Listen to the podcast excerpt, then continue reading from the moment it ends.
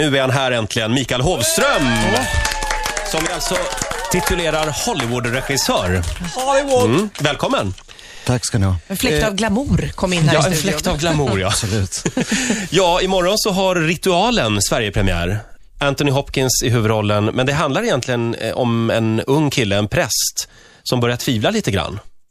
Kan man Gör det. säga. Ja, absolut. Det bygger, på en, det bygger en på en verklig berättelse om en amerikansk präst som åker till Rom för att ta del av Vatikanens skola för exorcister. Och det finns en sån skola på Det riktigt. finns en sån skola och det, det, är själva, det var själva grundbulten i den här filmen, i den här berättelsen. Och man får följa den här eh, unga prästen. Man följer honom och hans tvivel, precis som du säger, och, och väl i Rom så träffar han en ganska excentrisk, legendarisk exorcist spelad av, av, av Hopkins. Är det här, är Vatikanen liksom lite sura för att ni gör den här filmen?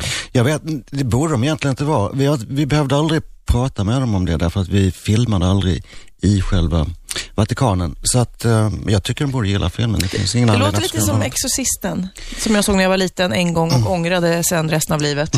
Det gjorde jag också. så jag har sett om den flera gånger. Jag ångrade också att jag såg den första gången, precis som alla i vår generation jag. Ehm, men det är fortfarande en, en, en fantastisk film och en klassiker naturligtvis. Får jag fråga, jag, jag såg ju den här häromdagen eh, och är det, är det, blir du, är det bra att man sitter och blundar under själva filmen? Jag är ju lite skrajsen av mig och jag måste erkänna att jag blundade på slutet. Det är inte bra om man blundar hela filmen, Nej. kan jag säga. Men, men, men eh, eh, om man blundar då och då, tror jag. Jag har ju alltid, känt, jag har alltid varit dragen till den här genren själv Mm. av den anledningen att jag blir rädd.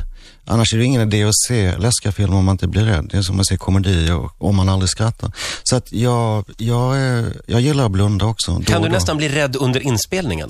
Nej, Nej. så, Men jag så, undrar- så långt har det inte gått. Skulle den här filmen vara läskig även utan musik?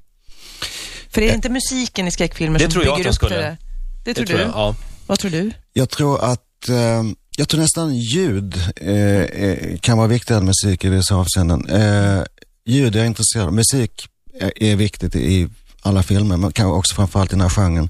Men själva ljudarbetet är någonting som jag, som jag tycker väldigt mycket om och som är viktigt. Men just när de här patienterna får den här djävulsrösten, när djävulen talar genom dem, Oh. det är ganska läskigt faktiskt. Jo, men det är alltid läskigt när folk, i, som i det här fallet, byter person. Det har jag alltid tyckt själv i film, när folk plötsligt byter personlighet, vad det nu kan vara. Ja. De får en annan röst eller plötsligt får, ett annat, eh, får en annan personlighet.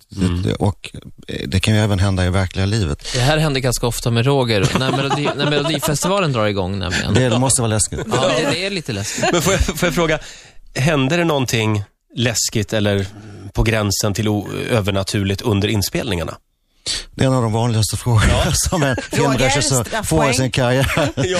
Eh, Den är nästan läskigt vanlig. Men jag, eh, ehm, nej, Nej. Men ingenting, Hopkins- ingenting Du händer. borde hitta på någon historia där som du kan dra när du får den jag frågan. vet, jag ska, nästa gång ska jag, ska, jag ska skriva ner en fem, sex fantastiska historier. Men du, Anthony Hopkins då? Jag vill veta. Ja. Något skvaller. Hur är han? Är han liksom lite divig och så här världsstjärna eller är han så här, oh nej, jag, jag hjälper till att bära det där caset? Mer, mer så, det där caset.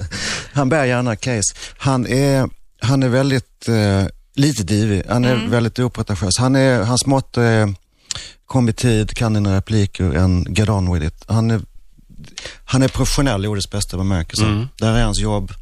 Han går dit, han går hem och käkar middag och, så, och eh, kommer tillbaka nästa dag. Men hur gör du som, som regissör då när du ska jobba med Anthony Hopkins? För du kan ju inte gå runt och ha så här superrespekt för honom och nästan vara rädd för honom. Det hade jag varit nämligen.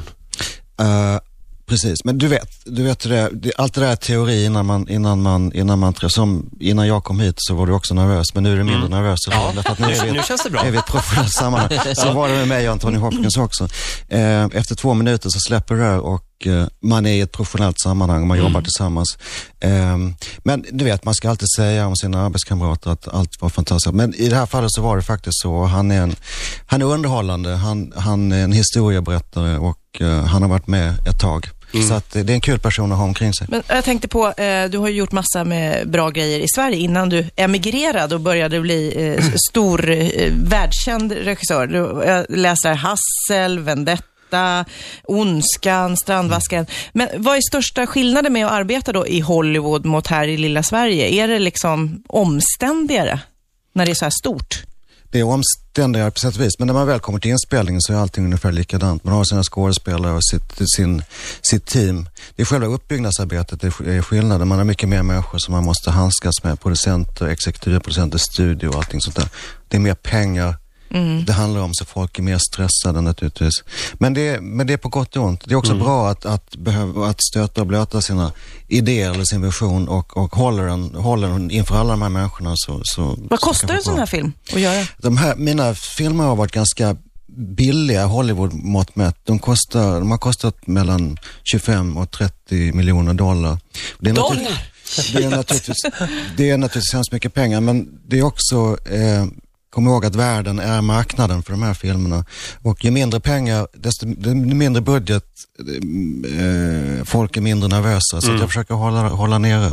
Skulle du vilja ha en eh, riktig Titanic-budget någon gång och göra en sån film? Ja, det skulle vara kul. Om det är rätt projekt naturligtvis.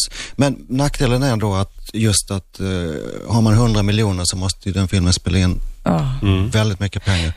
En gång så träffade jag Lena Olin och vi pratade om just eh, filmregissörer hon, och andra skådespelare. Jag frågade, blir man inte kär när man ligger där och hånglar och så vidare?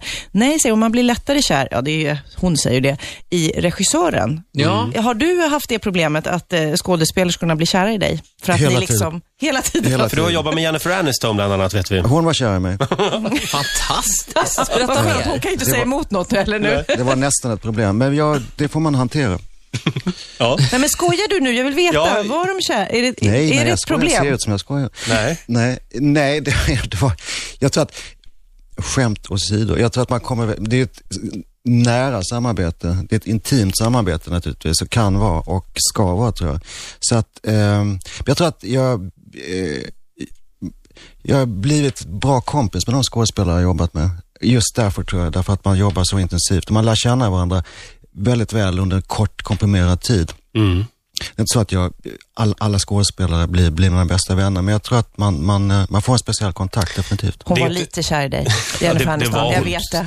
Det var, inte, var hon det, definitivt. det var inte så jättemycket kärlek i den här filmen faktiskt, ritualen. Eh, det är ingen kärlekshistoria, nej. Nej. Ja, man kan, man, mm, kanske på de där, hon och han. Den Ja. unga prästen träffar ju henne där. Du I blundar ju mest, så att vi, Ja. men jag tror inte du är rätt person att fråga. vibbarna. Ola, Får jag ställa en fråga? Ola får ställa en fråga i den här intervjun. Hej Micke! Mikael, vad- har du sett Vad Solsidan? vill du veta? Nej, jag har inte sett Solsidan än. Men, men jag träffade Felix eh, här förleden i Los Angeles. Han lovade faktiskt att skicka mig Solsidan. Jag vill hemskt gärna se den, så jag hoppas att han kommer att göra det. Gör det. Mm, gör det Felix. Kommer du hem till Sverige snart? Eller ska du bo kvar i Jag, London? jag, jag, jag är Ja. i Sverige, hoppas jag. Eh, jag, kommer, jag kommer hit så ofta jag kan. Mm. Absolut. Eh, ja. Ritualen alltså har premiär imorgon. Eh, se den säger jag. Klart sevärd och eh, ta med någon och hålla i handen. Och en kudde. Ja, kanske. eh, Mikael, stort tack. Du får en applåd av oss. Tack så mycket. Och eh, Ola, jag vill tacka dig för din insats Tack i den här mycket. intervjun. Tack. Verkligen. Ritzmorgonzoo!